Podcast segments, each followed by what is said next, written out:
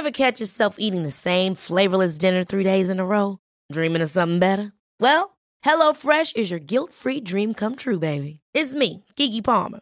Let's wake up those taste buds with hot, juicy pecan crusted chicken or garlic butter shrimp scampi. Mm. Hello Fresh.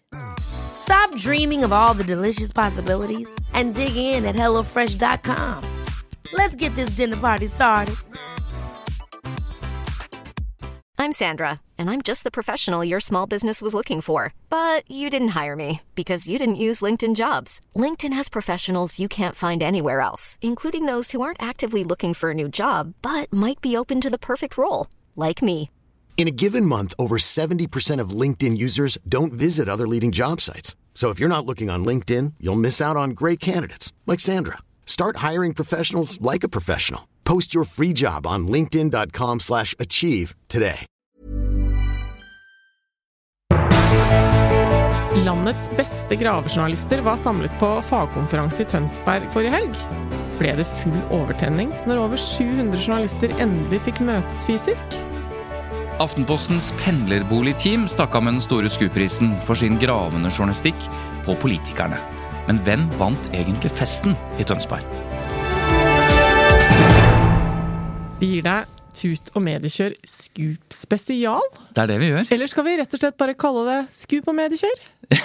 Det var det vi gjorde der nede. Ja. Eh, vi fikk jo en øl eh, for å gjøre Tut og Mediekjør, så da tenker vi at da solgte vi hele Tut og Mediekjør. Eh, I en slags eh, sponsa version. Annonsørinnhold. Men uh, vi lurer altså ikke på så mye denne uka her, eh, Svein Tore. Nei, jeg vil si at uh, etter en helg i Tønsberg så sitter vi med de aller fleste svarene vi kunne drømme om. Både sladder, fakta, fake news. Alt har vi oversikt over nå, når vi har uh, liksom menget oss med 740 journalister. Og de Ja. største prisene innenfor journalistikk er jo nå delt ut. Dette er den eh, høyest, høyest hengende prisen innenfor eh, bransjen, eh, vil jeg si. Og det har jo vi for så vidt hatt fint lite å gjøre med. Bortsett fra at vi fikk sitte på bordet til juryen under middagen. Det var veldig koselig. Vi prøvde jo da fra forrett via hovedrett til dessert å finne ut av Ja, men nå sitter vi jo her sammen med dere, juryen. Vi skal jo få vite det om Ja. typ ti minutter. Kan dere ikke bare si hvem som Ja, vinner, ja, og det var veldig eh, strengt. Eh, Bernt Olufsen, juryleder, satt jo med en ferdig inngravert eh, sånn gullklump, holdt jeg på å si. Ja, det må jeg fortelle. Ja. Altså, For dere som hører på, det er en, en veldig liten sånn kube. Det ligger bilde av den på Facebook-siden vår. nesten halvparten av en Rubiks kube Mm. i tr- massivt gull. Altså I hvert fall så veier han Ja, veldig mye. Veide som gull. Ja. Det er selve liksom, pokalen, eller det du vinner hvis du vinner selve skuprisen. Mm. Og så uh, ville Bernt Olufsen gjerne vise fram den, da, for han sitter jo og vokter jo denne her eh, liksom med, Ja, for der står jo vinneren under. Ja. Ja, og det var det Eva ikke visste. Så etter at Eva hadde fått lov til å kjenne på gullet, så to minutter etterpå Eller kjenne på Han holdt den liksom under bordet, ja, han så ville kjenne det. på det. Det var en, var en veldig nært på så litt metoo. ut et øyeblikk der, men det var ikke det, altså. men poenget var i hvert fall så, sku, så hadde du fått kjent på denne kuben, og så bare tok du tak i den med et par minutter etterpå. Ja. For du visste jo ikke at vinneren var og gravert er litt under. og sånn, kanskje. Ja. Og, og da ble det fullt oppstyr på hele jurybordet når Eva tok tak i, i kuben, for der kunne jo du bare vippa den rundt og sett hvem som vant. Ja, Oi, altså, Som om ikke ikke er til å stole på. Jeg hadde jo ikke sagt noe til noen. Men eh, nei, jeg har faktisk okay. aldri opplevd en sånn type mm, bransjeprisutdeling hvor ikke alt er lekket på forhånd. Dette er visstnok helt uh, Ja, ja. pottetett. Eh, og det er det ikke noen andre sånne konkurranser jeg kjenner til. Så det var litt imponerende. Okay. Men vi fikk jo underholde i baren, da. Eh, faktisk, Vi i Tut og Mediekjør hadde en liten seanse der før middagen, så det skal dere jo nå få høre deler av snart. Ja, for det er jo det som er hovedepisoden som vi nå har startet på. At dere skal få høre den livesendingen. Nå er jo det sånn at når jeg har hørt uh, Ja, vi var jo der uh, nede, og, og Krimpodden hadde også en slags live podkast. De var veldig tydelige på at dette kommer vi ikke til å sende. Og jeg hørte også Aftenpodden, som har kjørt live podkast, snakket om det, og sier det vil vi ikke sende. Så det er jo en, det er et eller annet med at noen sånne livepodkaster er de veldig tydelige på at Ja, ja. dette skal ikke på Vi ser det. Vi kan få høre hva lytterne mener, for det, nå er de med oss på opp- og nedtur. vi er helt åpne, blir- vi. Ja, ja, det er ikke noe med å åpne. Det er jo lydkvalitet og praktiske ting òg. Så vi, vi, det blir klippet litt til, sånn at det som virker Ja. helt irrelevant for dere der ute, det tar vi vekk. Uansett, vi, det får bære eller briste. Men vi har lyst til å snakke om litt andre ting før vi setter i gang den Scoop-spesialepisoden. Det er helt riktig det, Svein Tore. Jeg syns vi, må- vi må i hvert fall kommentere litt fra den pågående krigen. Men jeg føler Hvis ikke så er vi liksom ikke med og, i den virkelige verden. For det er, det er jo der det lages, eh, skal vi si, tross alt eh, Den viktigste journalistikken fortsatt lages jo på krigen. Ja, og nå er det jo øh, å si, viktigere enn noensinne. Fordi eh, nå har vi jo sett, eh, de fleste av oss, eh, veldig forferdelige bilder fra Butsja eh, i Ukraina. Ja, Som er en slags forstad til Kiev, ikke sant? Ja. Og som de fleste sikkert har fått med seg nå, da, så har jo de russiske okkupantene eh, forlatt noen av disse forstedene til Kiev og flytta seg østover i Ukraina. Eh, vil man jo anta at de skal eh, re, eh, reunite eh, for andre angrep der. Og så viser det seg jo da at det er eh, De etterlater seg helt eh, bestialske scener, rett og slett, hvor det har vært massedrap og ja, folkemord, det må man vel kunne si. Selv om de, de lærde driver og strides om hvorvidt det kan defineres som det. Og da er det disse bildene som har blitt, i hvert fall i journalistiske og redaksjonelle kretser, en diskusjon, og de fleste har jo landet på at de skal vise mer eh, enn hva som skal vi si har vært presseetisk standard eh, fra andre typer konflikter og kriger. Vi får også presentert bilder eh, som er grusomme, med advarsler eh, i, i forkant. Eh, og noe av begrunnelsen har vært at nå er det så viktig å dokumentere. Det skjer ting i denne konflikten som eh, vi ikke har sett før, blir det sagt. Så skal jeg problematisere det etterpå, men, Ja. men det er i hvert fall utgangspunktet. Ja, og både NRK og TV 2, og kanskje flere også etter hvert, har vært i byen der og dokumentert sine ting selv. Men eh, NTB, da, som er dette nyhetsbyrået som flere norske medier eh, publiserer saker fra, altså de leverer jo innhold til flere medier, for de som ikke har fått med seg det. De eh, sitter jo på en egen bildebank med enda verre bilder, har jeg lest. i Enn det vi har sett, ja. Eh, som de blant annet har fra AP, da, Associated Press, som er et tilsvarende type byrå internasjonalt. Eh, og, ja, og dette er jo forferdelige nærbilder av utelekka lik og med synlige ansikter osv. Og, så og det er jo helt forferdelig eh, å tenke på hva som har skjedd der. Nå kommer det jo hver morgen på nyhetene på radio, så hører jeg jo om nye eller sånne forstedslandsbyer som, eh, som det bare De finner helt bestialske ting i. Mm. Og da er det jo sånn, Vi har jo snakket litt om hva en krigsfotograf eller en, en fotojournalist, en pressefotograf i konflikt og krig Ja. skal ta bilde av. Og jeg har eh, skrevet en bok om en krigsfotograf og hatt dype Harald Henden. diskusjoner Harald Henden fra VG om hva hvordan han har utviklet sitt yrke fra første gangen han var i krigen i Bosnia for ja, 30 år siden nesten, til, eh, til hvordan han jobber i dag. Men det vi i hvert fall kan se av disse bildene, er at fotografer tar bilder de begrenser seg ikke når de tar bildene, altså de sensurerer seg ikke selv, på en måte, men de tar, forsøker selvfølgelig å ta bilder eh, så du ser en kontekst, og ikke bare avrevne lemmer eller hva det måtte være. Altså det, det skal i en kontekst, men likevel så er det så grusomme bilder at de fleste blir eh, antageligvis ikke publisert noe sted. Ja.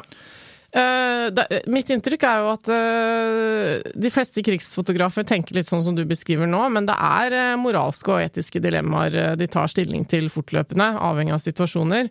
Og vi snakket jo tidligere om hun eh, krigsfotografen, eh, journalisten fra New York Times, som eh, Eller er det New York Times hun eh, jobber i? Ja, hun har levert til ja. Lincy Adario. Ja. Eh, som jo redegjorde for de forferdelige bildene som gikk verden rundt som hun hadde tatt av eh, en familie som nærmest liksom hadde falt om i fart under en flukt. Eh, og, og hadde en hel podkastepisode i The Daily hvor hun forklarte om eh, bakgrunnen for at hun hadde tatt valget, eller de hadde tatt valget om å publisere de bildene da. Og nå har det jo kommet mye verre ting. Eh, men jeg syns det er interessant fordi Eh, Vi hørte jo på den svenske fotografen Niklas Hammarström på Scoop-konferansen. Han svensken som kom til Gardermoen egentlig for å dekke regjeringskvartalet og det som hadde skjedd der, og da han landet så fikk han beskjed om at det var skyting på Utøya, og da kom han seg raskere til, eh, til stedet, fordi han kom fra andre siden enn de Han fleste kom andre ikke fra Oslo, journalister. Så han Mm. sto ikke fast eh, på Sundvolden, eller oppå der. Eh, Så det er jo han som har tatt eh, de bildene som eh, ennå ikke er publisert i norske medier, av, hvor han reiste rundt øya med en båt og fikk dokumentert helt forferdelige bilder av de døde menneskene som lå rundt omkring osv. Og, så og det fortalte han jo om da, i en seanse på Scoop. Og det sa vi jo i episoden før, at dette skulle vises på Scoop. Jeg tror at det er første skritt på veien til at også noen av disse bildene blir publisert i norske medier. De er Ja. jo publisert internasjonalt og har vunnet priser. Men diskusjonen uh, som var på Scoop, handlet jo nettopp om det. Ja, nettopp. Og jeg synes det er interessant, for vi har fått et lyttespørsmål fra Ole Martin om akkurat det her. Han skriver Hei, hva er deres tanker til at alle velger å publisere bildene fra Butsja i Ukraina? Dette er jo litt på linje med det Svein Tore har snakket om tidligere om Utøya-bildene. Personlig mener jeg at det er bra at de blir publisert, da de er med på å vise hvor grusom denne krigen er. Altså, han øh, gjør jo nettopp det som er veldig interessant, å, å sammenligne bildene fra Utøya og det grusomme som vi ser nå. Hva, hva tenker du, er det noe forskjell der? Ja, og den åpenbare forskjellen er jo nærhet. Selv om Ja. vi føler at uh, Ukraina-krigen er mye nærere enn veldig mange andre kriger og konflikter, uh, som også gjør at vi tar det kanskje enda sterkere innover oss, så er det allikevel forskjell på uh, AUF-ungdommer med sine pårørende og foreldre som leser eh, VG og Dagbladet og NRK eh, hver dag, Eh, Å publisere det i Norge, i norske medier, er selvfølgelig annerledes enn hvis norske medier velger å publisere bilder fra eh, Ukraina. Og så har jo heller ikke eh, norske medier publisert identifiserbare bilder. Eller det vil si, eh, i hvert fall ikke liksom, ansikter og, og sånn, men de har publisert det som kanskje kan sies å være identifiserbart for de som er nærmest. Ja. Jeg tror, ikke sant, her er det eh, flere ting som vurderes av hver redaksjon. Eh, Når det gjelder Utøya-bildene, så er det klart at eh, det sitter familie og nære pårørende og folk som også var til stede og overlevde. Det er deres venner og barn og familiemedlemmer som som er identifiserbare på disse bildene, og det må de forholde seg til. Det får de på et vis i fleisen, så der er det jo ikke bare liksom, er det riktig å publisere for informasjonsbehovet vi har, eller for historien osv., men også hensynet som skal tas til de andre. Det blir jo litt annerledes eh, når norske medier vurderer bilder fra Ukraina, selv om man kan ikke gjøre det helt forskjellig. Det er jo mennesker som har tilgang til nettet, til VG osv. i Ukraina også, men men det er likevel eh, en større avstand, da. Og en annen forskjell tror jeg redaktører vil tenke, fordi grunnen til, eller argumentasjonen bak publisering av ganske bestialske bilder fra Ukraina, er jo å vise hva de russiske styrkene og okkupasjonsmaktene har gjort mot sivilbefolkningen i Ukraina. Ja. Fordi hvis du ikke viser den type bilder, så har vi, kan vi alle ha en slags oppfatning av hvordan de har vært, og hvordan de har oppført seg, og hvordan Ja. de har skadet. Eh, Men på Utøya så vet vi at 69 ungdommer er ble jo- slaktet. Det er jo tross alt ganske godt dokumentert i form av rettssaken osv., det som skjedde på Utøya. Ja, så, sånn og er så liksom- vet vi jo. eh, Her i Ukraina så tror Ja. jeg de fleste man ville stoppet på gaten i disse landsbyene eller byene, ville nok antageligvis ønske at eh, verden skulle få se hvor jævlig dette er. Mm. Selv om det vet man jo ikke før man faktisk spør. Da. Det kan jo være ulike meninger der òg, selvfølgelig. Men, men det er en forskjell, fordi at uh, på Utøya så visste vi hva som hadde skjedd. Ja. Uh, I Ukraina så er jo hele poenget å få vite hva som har skjedd, og da vil jo bildedokumentasjonen være ekstremt viktig for å gjøre det. Og så har jo Russland da helt sånt parodisk ment at dette var staged osv., og, og heldigvis så fa fantes jo også nå satellittbilder uh, av de samme gatene som viste at disse døde kroppene lå der når Ja. russ og Ja. russerne fortsatt var der. Jeg Så synes det det er en liten en ting jeg så på Facebook fra en Amund Bakke Foss. Det- Aftenposten. Ja, det, nettopp. Som skriver eh, bildene av de navnløse døde kroppene i gatene i Butsja gikk verden rundt. Et nærbilde av hånden til en drept kvinne med knallrød neglelakk ble også spredt raskt, selv om ingen da visste hvem hun var. Her forteller jeg Rynas historie og deler bilder fra hennes liv etter samtaler med blant annet hennes eldste datter. Irina gledet seg til fremtiden. En bekjent av henne sier osv. Og, så- og så har han laget en sak hvor han portretterer henne. Det er et bilde ved siden av bildet av hennes eh, døde hånd med neglelakk. Så er det et eh, flott portrett av denne kvinnen som nå er drept.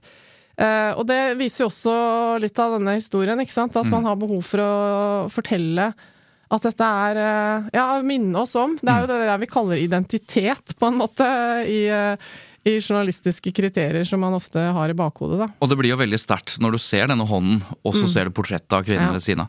Men jeg leste nå, faktisk rett før vi gikk i studio, Eva, en utrolig viktig kronikk skrevet av den svært erfarne mangeårige Afrika-korrespondenten i NRK, Tom Christiansen.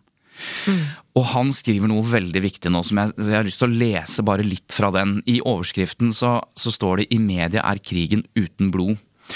Og så reflekterer han rundt det som blir sagt nå, at vi ser en helt annen type krig i Ukraina enn det vi kanskje har sett tidligere. Det er en type, eh, det er groteskt, og det er krigsforbrytelser osv. Mm. Som om på en måte beslutningen om å publisere bilder som er drøyere enn det vi har sett før, fra en krig, rettferdiggjøres nettopp av det.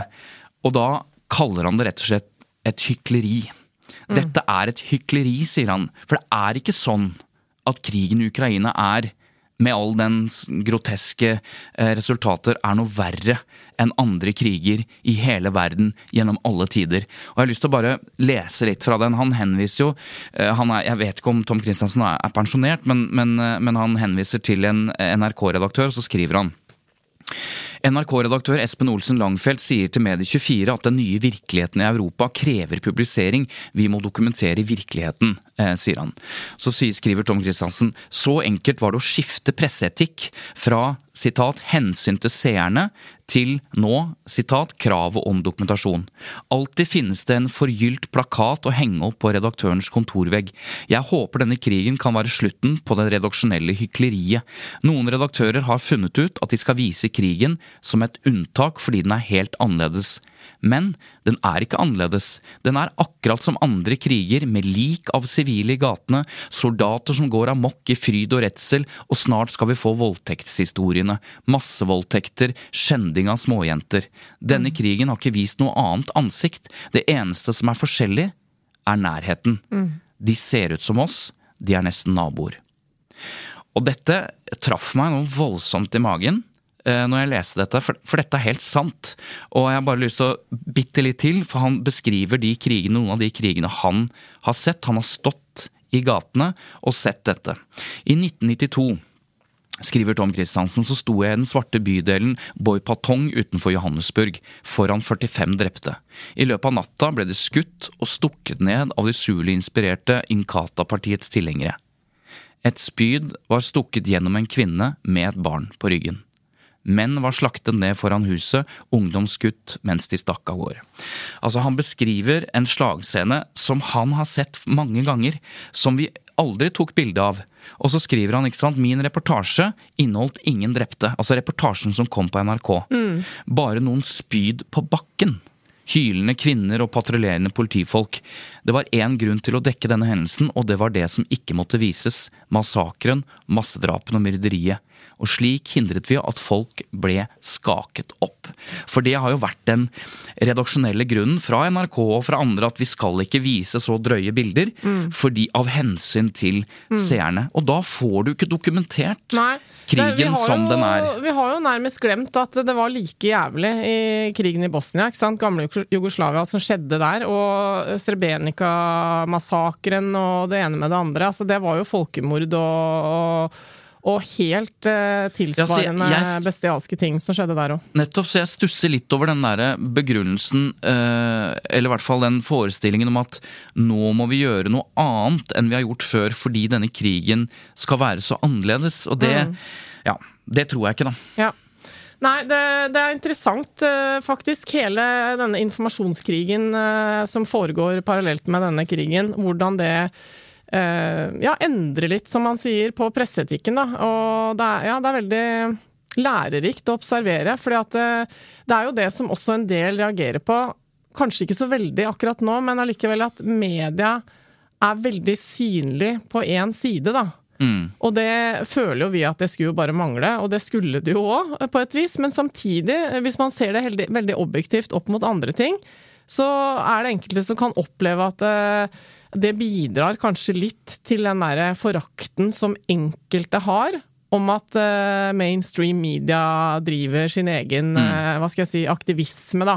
Og det mener jo absolutt ikke jeg at de gjør, men man, kan, sant, man, man vet veldig godt hvor mediene står. Og det eh, Jeg tenker liksom med gru uh, på hva hvis det skjer noe på Ja. ukrainsk side. Jeg vet det. Eh, fordi at det må man bare ta høyde for. Ja. At i en krig med soldater De driver soldater også propaganda og Ja, og, Ja. og de krigende parter som kjemper for sitt land, for sitt liv, de som er på bakken, Mm. de er i en situasjon, en helt umenneskelig situasjon. Det er klart at det er jo ikke sånn at russiske mennesker per definisjon, eller soldater, er noe mer ondskapsfulle enn ukrainske soldater.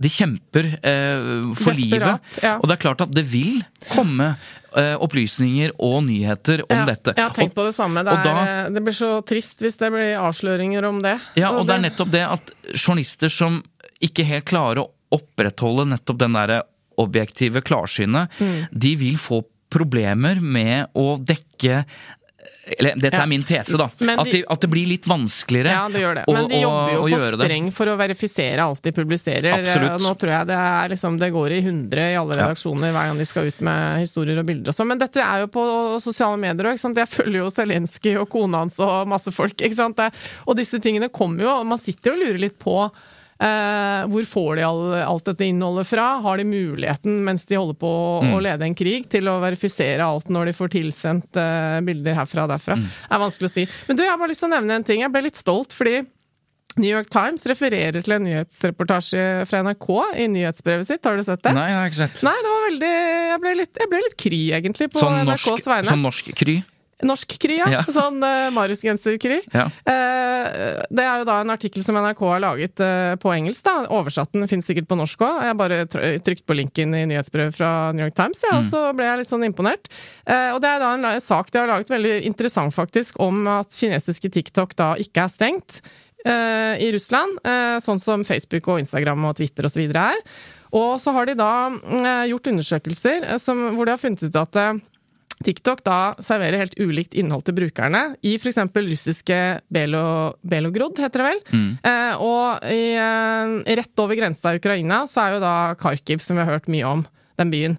Eh, og så har de laget to eh, falske kontoer basert på IP-adresser i de ulike landene. To menn på samme alder, 19 år tror jeg det var. Eh, og så har de på en måte gitt dem helt lik brukeratferd, da. Eh, gjennom eh, robot, roboter. roboter. Eller botter, så er det båter, som du kaller det. Bot botter, ja. Eh, og så ser de da hvor ulikt de får informasjon, fordi TikTok er jo informasjonskanal for veldig mye unge mennesker. Og den ukrainske personen får jo masse sånn fra soldater og flagg og oppfordring til å delta i krigen og melde seg og sånn. Mens eh, på den russiske siden så er det liksom eh, kosmetikkreklame og koselige greier og katter og hunder. Altså, Og det er jo bare sånn det er, Dette er jo noe vi vet, men det var så konkret når man Nettopp. leste den Og dette var NRK som hadde Ja, gjort. så den kan vi legge Ja. ut lenke til, den, eh, den artikkelen. Det syns jeg var fint. Og så har jeg lyst til å si én ting til. Det har du sikkert. ja, én ting til Ja. som jeg syns er fint. TV2 skole, og også NRKs tilsvarende eh, tjeneste som leverer eh, innhold til Elevkanalen. De driver nå og lager nyheter på ukrainsk Ja. her i Norge. Sånn at de kan få nyttig og god informasjon, eh, de unge som kommer fra Ukraina. Jeg hadde håpet nå på tampen at du skulle si noe mediekritisk, fordi at nå har vi jo på sett og vis vært ganske imponert over norske Ja, medier, hvordan de dekker krigen, og nå går vi inn i en, noe av det fineste journalister driver med, nemlig gravende og undersøkende journalistikk. Ja. Men eh, vi skal til Scoop, vi skal til den omtalte mm, episoden som vi spilte inn der nede. Ja, vi må skape litt avstand og, og kritikk mot mediene seinere. Men i hvert fall, bare så dere lyttere er med på dette. Vi var på et svært hotell i Tønsberg. Eh, Vi fikk en plass ved siden av baren. Vi rigget opp, amatørmessig som vi er, noen mikrofoner og noe greier, og det var folk som sto rundt. Kom og gikk. Ja. Eh, Det var et Vi kan ikke si at det var et, et, pub, et publikum som satt og nistirret på oss. Men det var ikke noen stoler foran. Vi var i foajeen, på en måte. ja. Men det var hyggelig, for folk Veldig stoppet hyggelig. opp, og Ja. de drakk øl, og de hørte på oss. Og Så og vi det, hadde jo flotte gjester. ja, så det er settingen, da. Ja, det er Så settingen. Skal vi set, rett og slett bare spille av det, den, det klippet? Det skal vi gjøre, eh, og dette skjer jo da før eh, prisene er delt ut, eh, som skjer samme kveld, altså Scoop-prisene. Mm.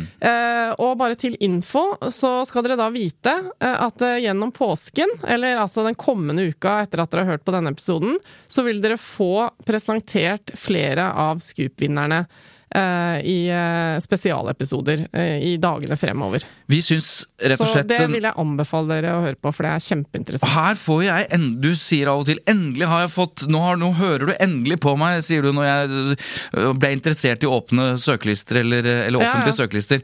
Nå føler jeg at jeg får endelig uttelling for å ha lest metoderapporter for å si til deg at vet du Ja. hva, i journalistenes metoderapporter til Scoop, der ligger det så Ja, mye det er sant interessant. det. Og nå skal de få komme selv og, og fortelle om det, så det gleder jeg meg skikkelig til. Okay. Og det kan du gjøre òg. Snurr film! Hun begynte som lokalavisjournalist og endte opp som mektig politiker, eller medieoffer, som man også kan kalle dem. Men hva mener hun om medienes evne til selvrefleksjon?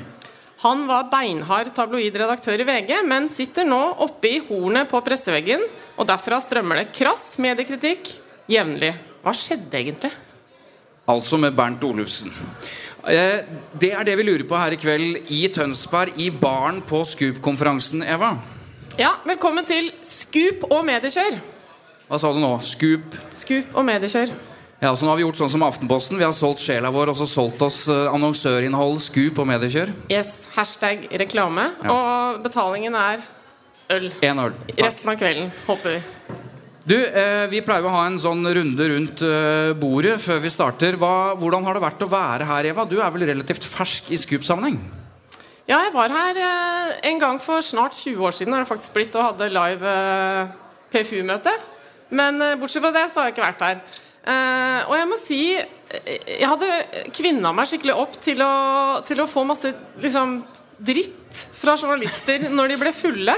At vi skulle få sånn Fy faen, ass, dere skjønner ikke det mediekritikk og sånn. Men det har vi ikke fått. Det bare fått? Veldig mye hyggelige folk, egentlig.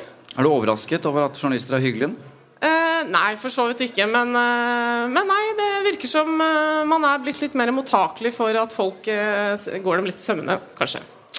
Det jeg tenker nå er her, er at eh, det vi var vitne til i går, da Når vi så uh, f.eks. fra scenen eh, NRK 'Drap i akebakkene', Ja. så minner det meg om at de 700 journalistene som er her, det er the finest. Det er folk Ja. som virkelig gjør et stykke arbeid som betyr enormt mye for det samfunnet vi er en del av. Som minner meg på hvorfor jeg selv var journalist, og som gjør det litt vrient å ikke være det lenger. Men det er altså en gjeng som gjør en fantastisk jobb. Hører at det blir litt stillere nå når jeg begynner å skryte. En fantastisk jobb, samtidig som det antageligvis er noe av de mest pretensiøse menneskene vi kan støte på. I hvert fall rundt omtrent dette tidspunktet. Fordi nå er det jo snart bare timer igjen til de skal dele ut pris. Og de skal hedre seg selv. Men det er en herlig blanding av nettopp det å føle seg utrolig viktig, Ja. og det faktisk å være viktig. Vet du hva jeg tenkte da det, i går, da de snakket om den Akebakken-saken? Så så jeg at alle journalistene, alle pressefolka som satt i salen der, lente seg veldig sånn fram, lytta til disse to gutta, fireåringen og femåringen. Eh, og det var sånn eh, veldig interesse for deres historie, deres eh, evne til å fortelle. Det, og jeg bare så liksom journalistene veldig. De var så interessert i disse historiene, og det var så rørende, egentlig, å se. Ja, og det er jo noe av det som er så fint med Scoop. Det er jo nettopp at det er en faglig eh, samling primært. Ja. Eh, og en fest også, sekundært. Men det er en faglig samling og en enorm vilje og ønske om å dele metode primært. Og da er det liksom ikke mulig å få øye på hvem som er hvem. Som Scoop-lederen sa i eh, talen sin i går. At det er, eh, med unntak av akkurat den festmiddagen når prisen skal deles ut, så er det deling. Men du, Eh, du vi var inne på Late Night. Late Night Show. Hva skjedde med det greiene med han eh, Erland Bakke? Det intervjuet der, var ikke det litt rart, da? Eh, jo, det vil jeg si. Altså, det var en Dagbladet-redaktør som hadde Erland Bakke som gjest, eh, som da VG har laget flere eh, ordentlig store saker om. Han satt der, og jeg opplevde at det var veldig lite kritiske spørsmål til Erland Bakke. Og jeg tenker at halve salen sitter der og vet ganske mye om ham.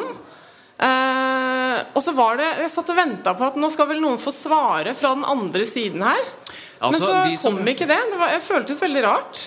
De som har fulgt denne podkasten, vet jo at vi er over snittet opptatt av 414. Altså samtidig imøtegåelse og i og for seg tilsvar. Så det var en litt besynderlig affære å sitte med 700 pressefolk, som jo også er opptatt av 414, eller Ja. burde vært litt mer opptatt av 414.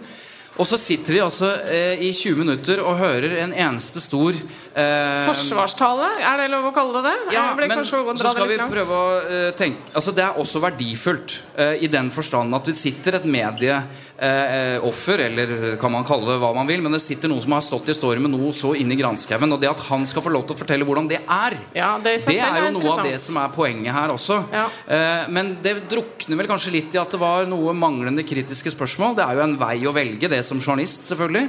Eh, og så var det ingen, ikke noe tilsvar. Eller Eh, samtidig imøtegåelse, da, som det heter. For Ja, tilsvar ville jo da vært f.eks. Var... å ta opp noe fra VG Ja, ja. nå i etterkant. Sånn, eh, sånn Det var være ingen samtidig imøtegåelse. Det var ingen på slutten som sa f.eks.: Ja, nå har jeg sittet og fortalt hvor gærlig dette her er. Kanskje VG skal komme og bare fortelle noe om dette. Men så må vi huske på at dette var jo ikke en publisering. Det var et event. Og det, Vær varsom-plakaten handler jo først og fremst om det som blir publisert. da ja, Så dersom noen lagde sak om det intervjuet i går, så kanskje de henta en Ikke kanskje, har du ikke lest? Nei, jeg har ikke hatt tid til det. skjønner Medie24 lagde en sak. Medie 24 lagde en sak på at uh, sånn opplevde kjendismanager Erland Bakke VG. Og hvis de hadde gjort det samme som de gjorde på Late Night på Scoop, så hadde det blitt felt for, for 414. Ja, men der fikk VG Men der sa selvfølgelig Gard Steiro Det er ikke sikkert det var så interessant det han hadde tenkt å si. Han hadde tenkt å si at han tar feil. Eller vi har gjort ting riktig. Men uansett, det skjedde ikke der inne. Og du har helt rett. Det var ikke en publisering. Nei. Det var et event. Og da er det vel i og for seg greit, da. Anyways. Ok. Første gjesten vår startet karrieren som lokaljournalist før politikken tok henne. I ti år levde hun helt i toppen av politikken, men for to år siden var det brått slutt. Men ringen er på et vis slutta nå, for nå lever hun av å gi grønne råd i kommunikasjonsbyrået Footprint. Velkommen, Trine Skei Grande.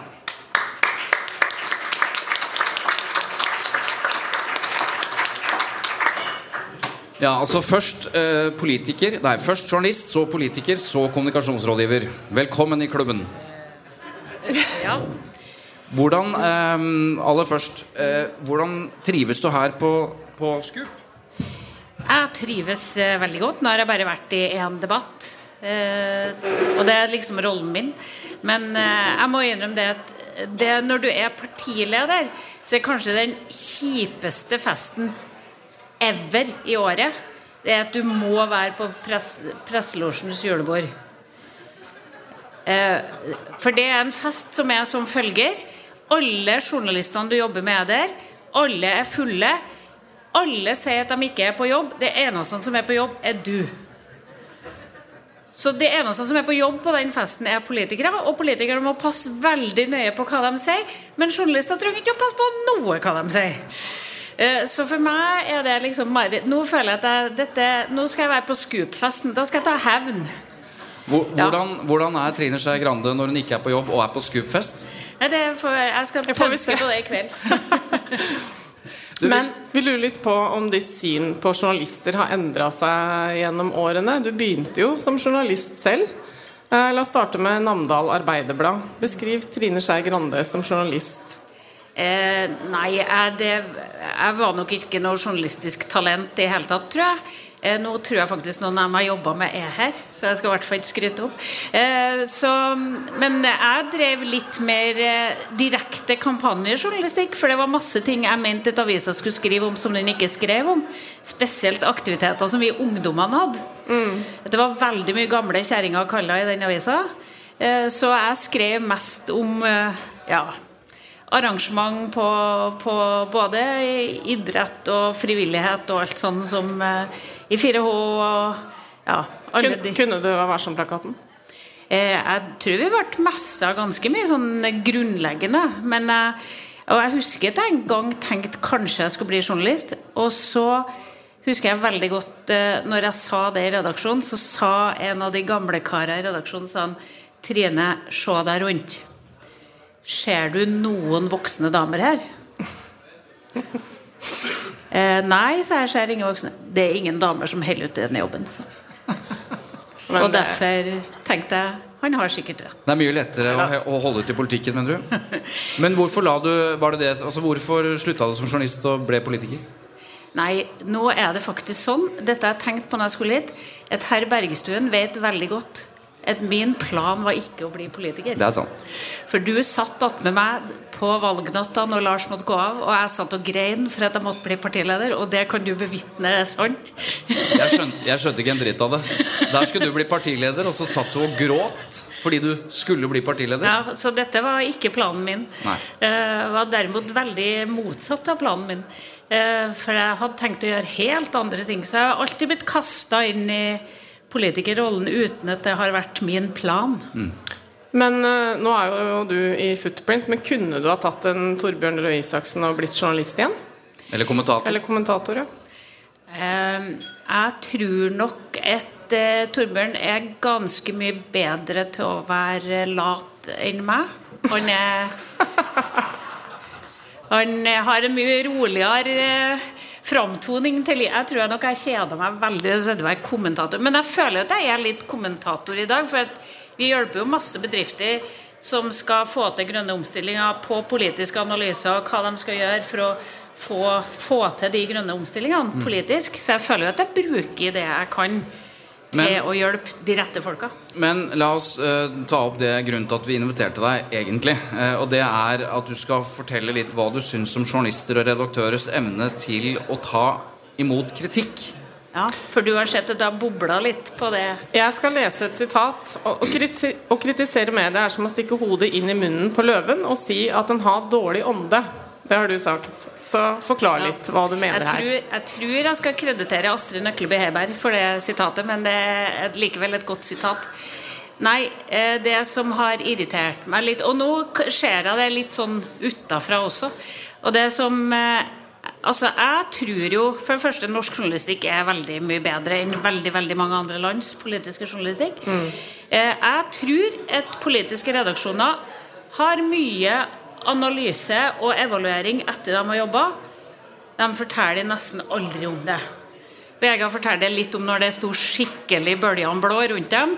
Men, men det er veldig sjelden at man offentlig går ut og sier dette har vi snakka om, og vi har funnet ut at dette kanskje var litt feil gjort. Eh, og det tror jeg media har stått seg mye mer på å si. Det man derimot opplever, altså eh, både Trine Eilertsen og ikke minst eh, Drammens Tidende, som vel tok kaka sist Som du uke. tvitra om her Ja, da klarte jeg ikke å dy meg. Da måtte... Hva var det? Nei, altså Drammens Tidende har da laga sånn terningkast på antrekket til kommunestyrerepresentanter. Eh, og jeg må si det, Hvis dere skal ha litt sånn innsikt fra politisk Det er highway to hell for dri utdriting, kommentarfelt, trusler og nettroll. Altså det, Du kan ikke fòre nettroll med noe bedre enn terningkast på antrekk på kommunestyrepolitikere. Og for oss som har brukt mye av tida vår på spesielt å få unge jenter til å orke å stille til valg, drit i det med sånne ting. Og så er Det sånn, eh, det kan godt hende at det var tenkt morsomt og gjort morsomt. Eh, men da må du ikke ta kritikken Da må du ikke bli sur når du får kjeft for det igjen. Ja, for det, var, det ble tatt opp i Dagsnytt 18, Ja. og da fikk de kritikk. Og hvordan reagerte de? Nei, vi er så gode på politisk journalistikk at vi har lov til å gjøre sånne dritting òg. Og det, det heller ikke. Kjære Berge, Berge Drammens Tidende, det heller ikke.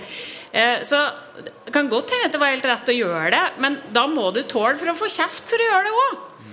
Du kan ikke da bli sånn hoverende på at vi er så dyktige, så vi, det er ingen som kan komme her og kritisere oss. Så jeg, jeg blir så fascinert over at man har frimodigheten til å gjøre ting, men ikke tåler at noen debatterer og gjør det. Og så tror jeg jo sikkert at Drammens Tidende har hatt en diskusjon i redaksjonen sin om var dette er smart eller var det ikke smart. Men man klarer ikke å gå inn i debatten og si jo, det går godt an at du unge, unge venstregutten som sitter i bystyret, har et poeng at dette kanskje ikke var så lurt, men vi syns det var gøy, og det hadde et poeng fordi at ordføreren har sagt, osv. Men dere, Jeg har et inntrykk av at mediene har blitt veldig mye bedre de siste par-tre åra på å ta kritikk og å diskutere sitt eget arbeid. Men det er mulig at det er mitt inntrykk fordi jeg følger mer med. Det er vanskelig å vurdere, da. Jeg Men må, eh, hvis jeg skal gi skryt til noe, så er Medie24 bidratt ja, til at veldig mange av de debattene har kommet til overflaten. ja. Ja, og hvis du leser Medie24, da, så får du med deg at det er de debatt og at det er kritikk og diskusjon mellom, mellom prioriteringer og sånn. Og det har gjort det bedre. Syns jeg man hører eh, med, spesielt redaktører og kommentatorer i podkastene sine reflektere interessant og ta mer selvkritikk der, da. Men, men det går godt an et, eh, hvis de skal i Dagsnytt 18, så skal de få helt gratis få ringe meg, så kan jeg gi noen tips at man kan begynne på med en litt mer ydmyk tone. Ja, Det kan jeg for så vidt eh, være enig i iblant. Ja. Jeg skal fortelle hvor enkelt det er. Eh, Her er et gratis kommunikasjonsråd stjålet fra Trine Eilertsen i Aftenposten. Fordi hun fikk et kritisk spørsmål. Vi, hadde, vi tok opp det faktum at uh, i Aftenpodden så reklamerte de for uh, Podme og hvordan du skulle logge inn, og det var ikke måte på brukervennlighet eh, eller brukeropplysning. Og så var det en lytter som lurte på er ikke dette egentlig content marketing. Eller en eller annen form for det brudd på hva varsom-plakaten. Du reklamerer for noe, du må skille redaksjonell virksomhet osv. Så, videre. så stiller vi det spørsmålet videre til Trine Eilertsen. Og her er så enkelt. Altså, når, du, når du starter det svaret med For Aftenposten så er det viktig å bla, bla. Hvis du starter på den måten Sånn som man så jo hører eh, Sånn som en del svar starte. Ja. Trine Eilertsen skrev, skrev som svar Godt spørsmål. That's it! That's it! Ikke that's it, hun fortsatte svaret. Jo, jo. Nei, nei, ikke that's it, men så enkelt er det Ja. å innta en ydmyk holdning. Så lenge det Bare å- virker ekte. Ja, men bare det hjelper ikke å skrive det hvis du ikke mener det. Nei, nei, men Nei. å anerkjenne spørsmålet at dette var kanskje Det er et godt spørsmål. Vi valgte å gjøre det sånn, sånn og sånn. Altså, det er jo ganske enkelt. Du bør ikke bare gå inn med full kraft hver gang du skal forsvare deg. Nei. Men du Trine, eh, du eh, får jo en del kritikk.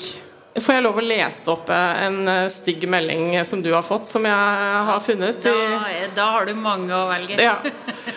Går som ei purke, ser ut som ei purke, snakker som ei purke, og da er du sannsynligvis ei purke. Du er den mest idiotiske grisen på tinget, kom deg tilbake til fjøset. Og sånn fortsetter det. Men det jeg syns var gøy, var at det, du har, når du har funnet frem til disse trollene, så har du oppsøkt dem, ringt dem opp for å be dem om å lese opp disse meldingene til deg.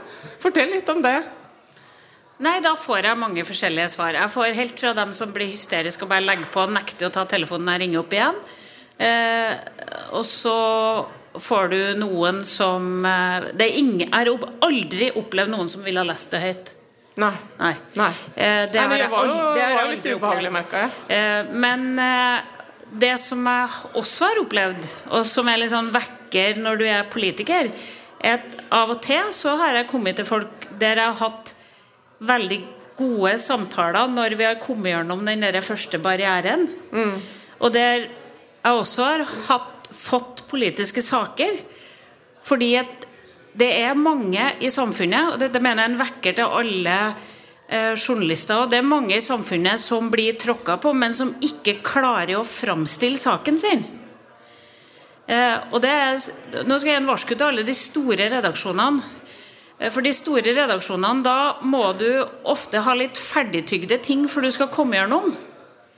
Eh, altså, Det merker jeg har vært et lite parti. At de store partiene har liksom ferdige pakker.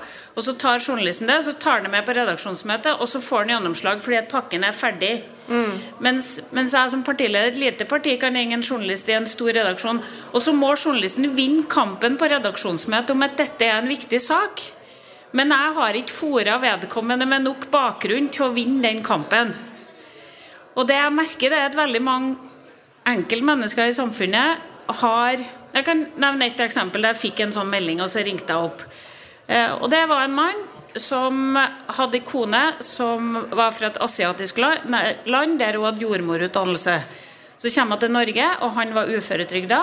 Kommer hun til Norge, og så får hun ikke godkjent helseutdannelsen sin. Og så må hun begynne på helt på nytt igjen, og det har de ikke råd til. Eh, og dette er et veldig bra poeng. At vi kaster bort masse helsekompetanse fordi at helsegodkjenningene tar så lang tid. Eh, og det tok jeg opp i Stortinget etter jeg hadde snakka med han, fordi han skrev en drittmelding til meg Og frustrasjonen hans var liksom på hele storsamfunnet, og ingen skjønner meg. Men du må av og til sitte veldig lenge med dem Ja. for å få historier. Ja. Og for å skjønne hva som er problemet. Og jeg husker En annen gang jeg og Ola Elvestuen satt med ei dame med en byggesak i Oslo kommune. Vi satt med i flere timer og skjønte ingenting. altså. Hun ble forfulgt av politiet, og naboen holdt på å bombe og hadde tatt livet av hunden. og det var ikke måte på. Men vi hadde følelsen av at hun hadde et poeng. Så vi inviterte en gang til med alle permene og det. Og så avslørte vi den største byggeskandalen i Oslo kommune, med korrupsjon, flere mista jobben sin. Eh, for hun hadde rett. Det var bare tulla inn i så mye annet. Du, Trine, Ah, du... ja, dette kunne jeg snakka mye om. ja, det er det jeg Ja. merker. Så nå tenkte jeg vi skulle skifte tema. Men, eller Men det er en bro her, da. Og Ja. det er jo at eh, mediene kan jo også oppleve eh, å forstå litt bedre hvorfor publikum reagerer hvis de går i dialog Ja. med dem når de er sure for ting. Ja. Det har vært et uh, delvis tema her på Scoop at vi har snakket om det å stå i stormen, det å være medieoffer. Uh, og vi introduserte deg litt der. Alle politikere føler på et eller annet tidspunkt at de er et slags uh, medie... Jeg har aldri følt meg som et medieoffer. Okay. Sorry. Nei. Hvis du ikke har følt deg som medieoffer, så har du i hvert fall vært i en situasjon hvor andre kanskje kunne kjent på det. Du har vært gjenstand for ganske mye journalistikk og mye oppmerksomhet. Eh, og eh, kan du reflektere litt rundt hvordan det er å stå i stormen når den virkelig er sterk?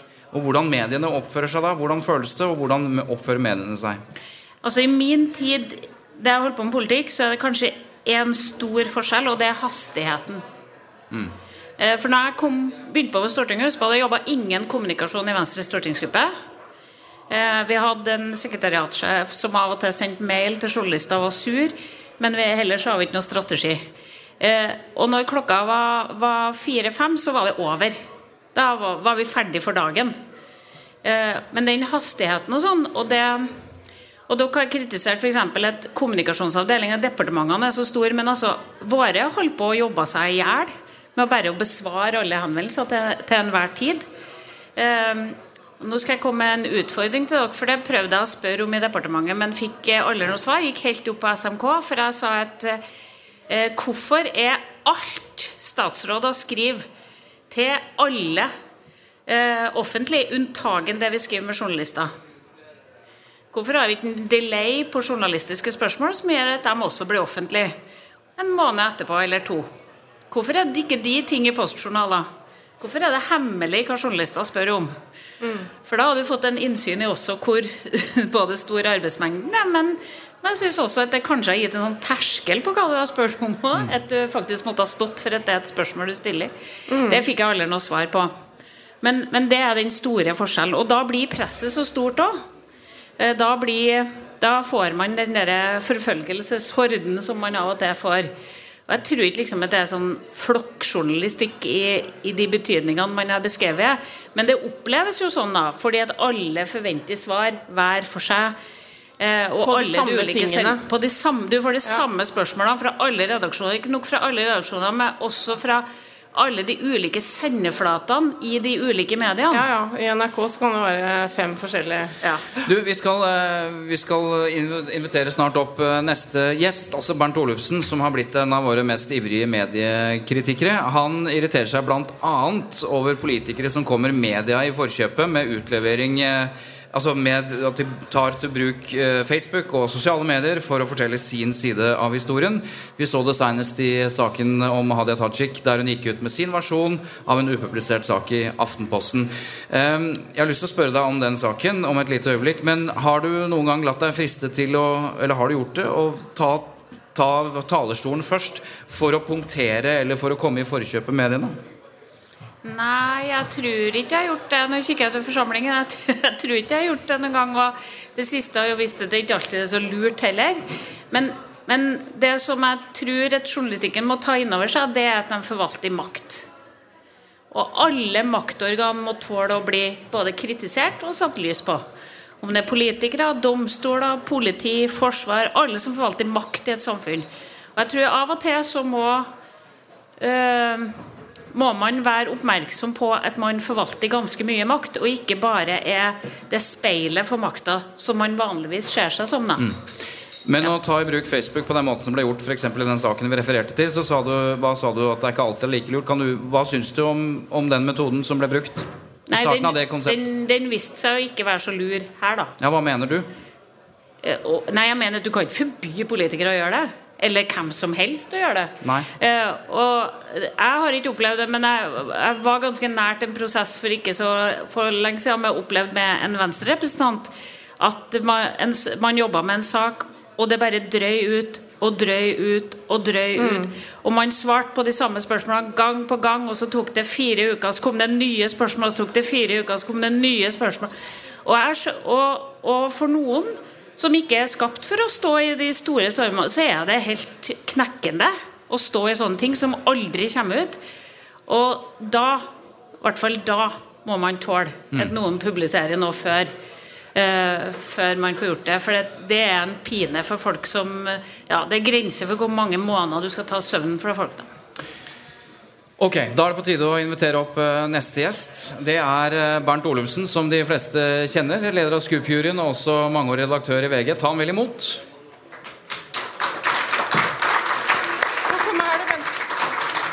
Han har jo vært ansvarlig for eh, 6500 forsider i VG. Skal vi bytte plass? Ja, jeg har dem alle på veggen, han har sagt. Jeg har i hvert fall en, eh, en minnepinne hvor alle er på. Ja.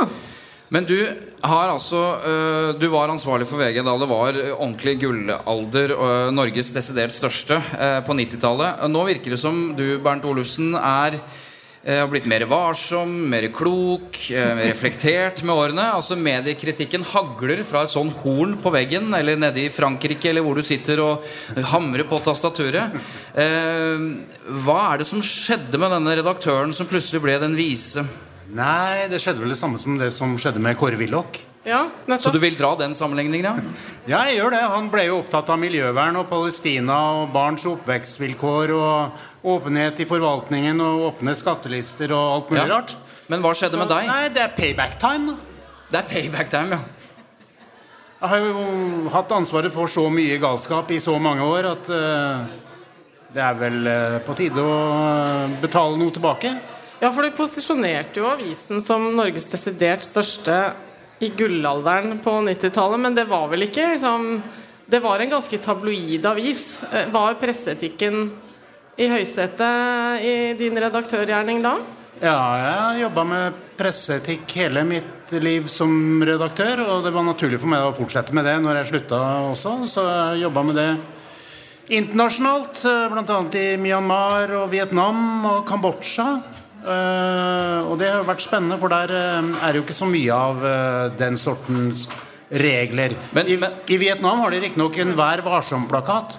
Og punkt én på den plakaten, og dette er ikke fleip, det er at du skal aldri skrive noe kritisk om sentralkomiteens medlemmer eller deres familie. Det burde vært i Norge òg. Etter et par øl i går så spurte jeg deg om, eh, om du huska at jeg hadde vært i mediene. Jeg har faktisk vært litt i mediene for noen år siden. Eh, og da var eh, Bernt Olufsen redaktør i VG da, på den tida. Eh, og, og derfor så utfordrer jeg deg litt på det, og hvor opptatt du var av presseetikken. Husker du hva du svarte?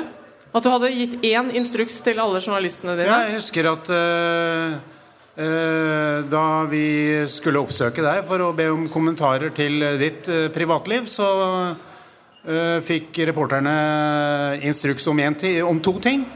Det var å presentere seg når de ringte på i gården der du bodde, og fortelle hva de ville. Også når de var i flokk med veldig mange andre? Var det instruksen?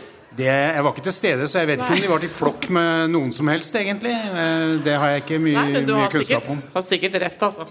Men ser du, hvordan ser du eh, presseetikken fra ditt eh, sted og ståsted nå? Eh, hva, hva skiller det fra hvordan du så det som aktiv, operativ redaktør? Altså Kvaliteten på norsk journalistikk er blitt bedre år for år. Kvaliteten på det presseetiske nivået er også blitt bedre år for år. Rett og slett. Ja, jeg har lyst til å følge opp det der. Jeg. Altså, um, og det, ja, det ligger jo mye i det du sier nå. Det er en slags innrømmelse. Alle hører jo det. Men, men gode hva er det Harald Stanghelle kalte det? Gode ubekrefta rykter og en skokk med anonyme kilder har fortalt oss at um, Nå er du jo Scoop-juryleder, men den gangen du var redaktør, så var du ikke så opptatt av Scoop, eh, som åpenbart du er nå. Eh, kan du kommentere litt på det? For det er flere som sier at eh, det er litt artig det der at du ikke var så opptatt av å dele og ikke opptatt av Scoop. Kan du kommentere det? Ja, altså Det der var for øvrig ikke Haralds mest velformulerte artikkel. Du er refererte fra der. Men eh, nei, eh, på 90 altså Skup ble jo stifta i starten av 90-årene. Og da så jo jeg på det å dele metode som eh, noe som utfordra konkurranseinstinktet i media. Ja.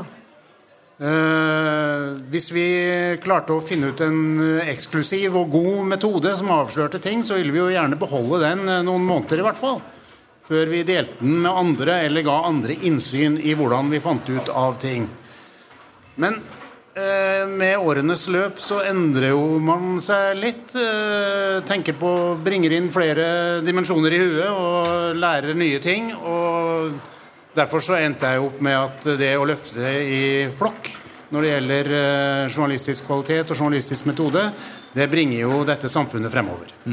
Men det der med å holde ting tett i brystet eh, frem til man eh, liksom skal publisere så har vi jo sett at eh, det at Aftenposten eh, har en dialog med Hadia Tajik og hennes folk i forkant av den eh, store saken, det ga jo Hadia Tajik muligheten til å gå ut og komme dem i forkjøpet. Mener du at man bør gå tilbake til å liksom jobbe og jobbe og jobbe på en sak? Nei, overhodet ikke. rett før? Nei. Tidligere så var det jo sånn at uh, media jobbet med en avsløring, og så ringte man uh, objektet for dette arbeidet sånn uh, halv elleve-tida på fredag kveld for å få en kommentar.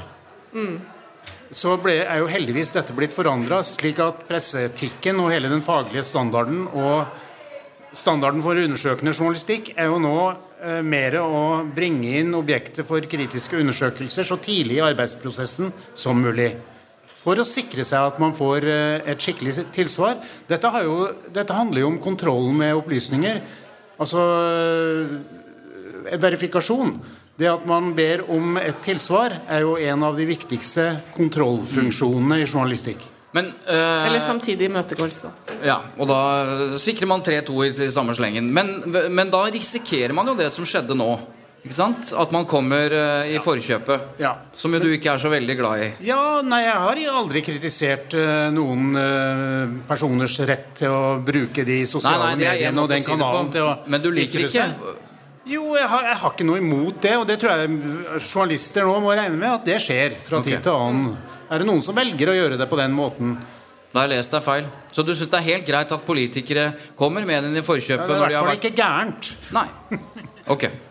Du, um, du mente også, uh, da du var eh, i hornet på veggen, da, uh, at, uh, du, at PFU flyttet grensene ved sin tolkning av Vær varsom-plakatens punkt 3.2 om kildekritikk i saken knyttet til Trond Giske. Ja. Eh, nå har du blitt enda klokere og visere. Eh, hva tenker du i dag om den saken og det du skrev om at PFU flyttet grensene på 3-2?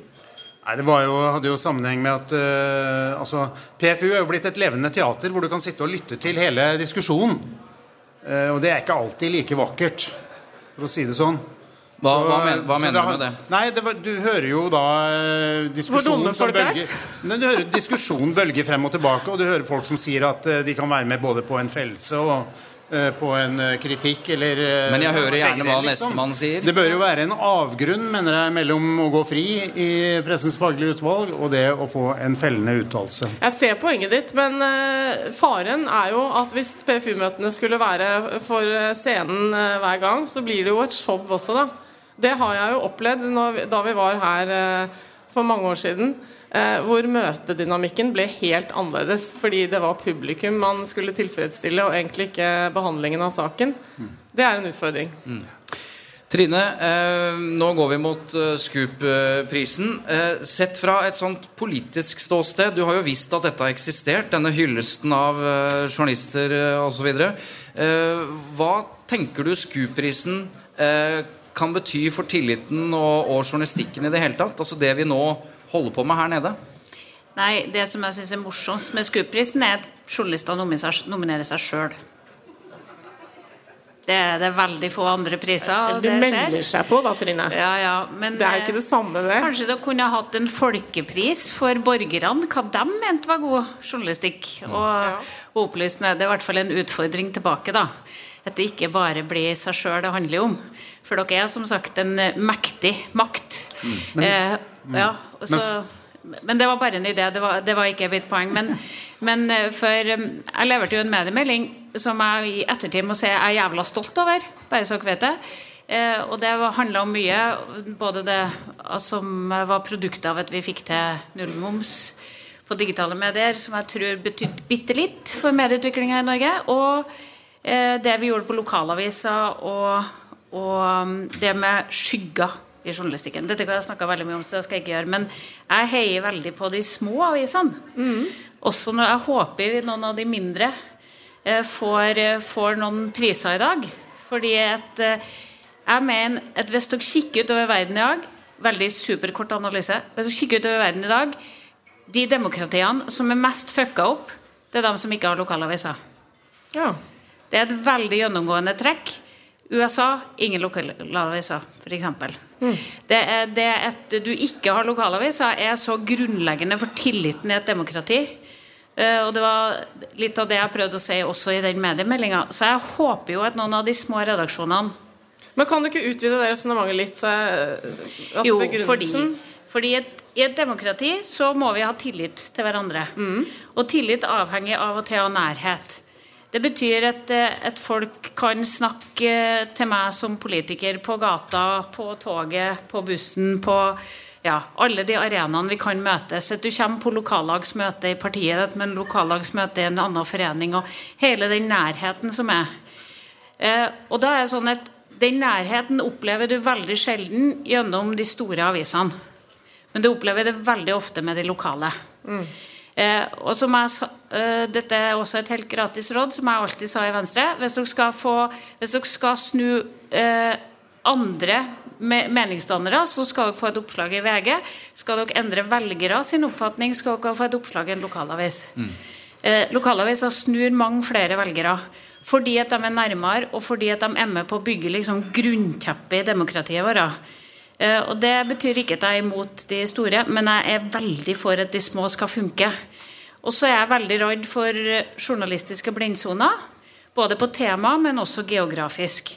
Vi vet at kommuner som har lokalavis, drives mer effektivt. De har mye bedre resultater enn eh, kommuner som ikke har lokalavis. Men skal de vinne Scoop-pris eller diplom, Bernt, så må de også gjøre noe annet enn å bare være lokalaviser. Det har vært en diskusjon rundt dette her. Hvordan ser metoderapporten og årets Scoop ut når det gjelder lokalavisens bidrag? Bare for å ta det med nominasjoner først. da altså, Poenget her er jo at alle leverer mot metoderapporter til Scoop. Og det er jo det som er nominasjonen. Og det er jo fordi at man ønsker å få erfarings- og kunnskapsdeling. Men du skjønte litt av poenget mitt. Den kunne jo publikum Oscar, dette med å her, stemme altså. frem som en sånn Når det, gjelder, når, det gjelder, når, det gjelder, når det gjelder Scoop, så er faktisk det viktigste ikke hvem som vinner. Her er det viktigste å delta. Og det eh, bringer kvaliteten på også lokalaviser opp år for år. Og det syns jeg er viktig. Jeg for min Ja, er egen del har jo stort sett du- jobba med på Ja. lokalaviser de siste åtte åra. Det er greit at du sier at eh, det, det er ikke det viktigste å, å vinne, men å delta. Men bare det som kribler rundt i kroppene på de som står her nå, det, det er noe helt annet. Og uh, med det så sier vi vel uh, tusen takk for uh, mm. Tut og mediekjør. Takk til Bernt Olufsen og til Bang Trine Skei Ja, Bang Olufsen. Er du helt på reklamekjøret nå? Vi er sponset av Bang Olufsen. Takk til Trine eh, Skei Grande. Tusen takk til dere. Takk til Svein Tore Bergestuen. Takk til Eva Sandum. Takk til Lyder Produksjoner. Yep. Og tusen takk for at vi får lov til å være på Scoop, alle sammen.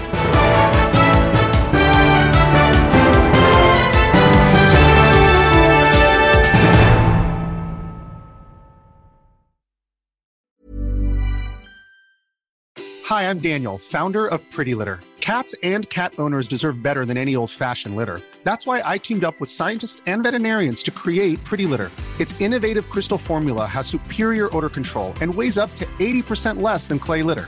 Pretty Litter even monitors health by changing colors to help detect early signs of potential illness. It's the world's smartest kitty litter. Go to prettylitter.com and use code ACAST for 20% off your first order and a free cat toy. Terms and conditions apply. See site for details. Hold up. What was that? Boring. No flavor. That was as bad as those leftovers you ate all week. Kiki Palmer here, and it's time to say hello to something fresh and guilt-free. Hello Fresh. Jazz up dinner with pecan-crusted chicken or garlic butter shrimp scampi. Now that's music to my mouth. Hello Fresh. Let's get this dinner party started. Discover all the delicious possibilities at hellofresh.com.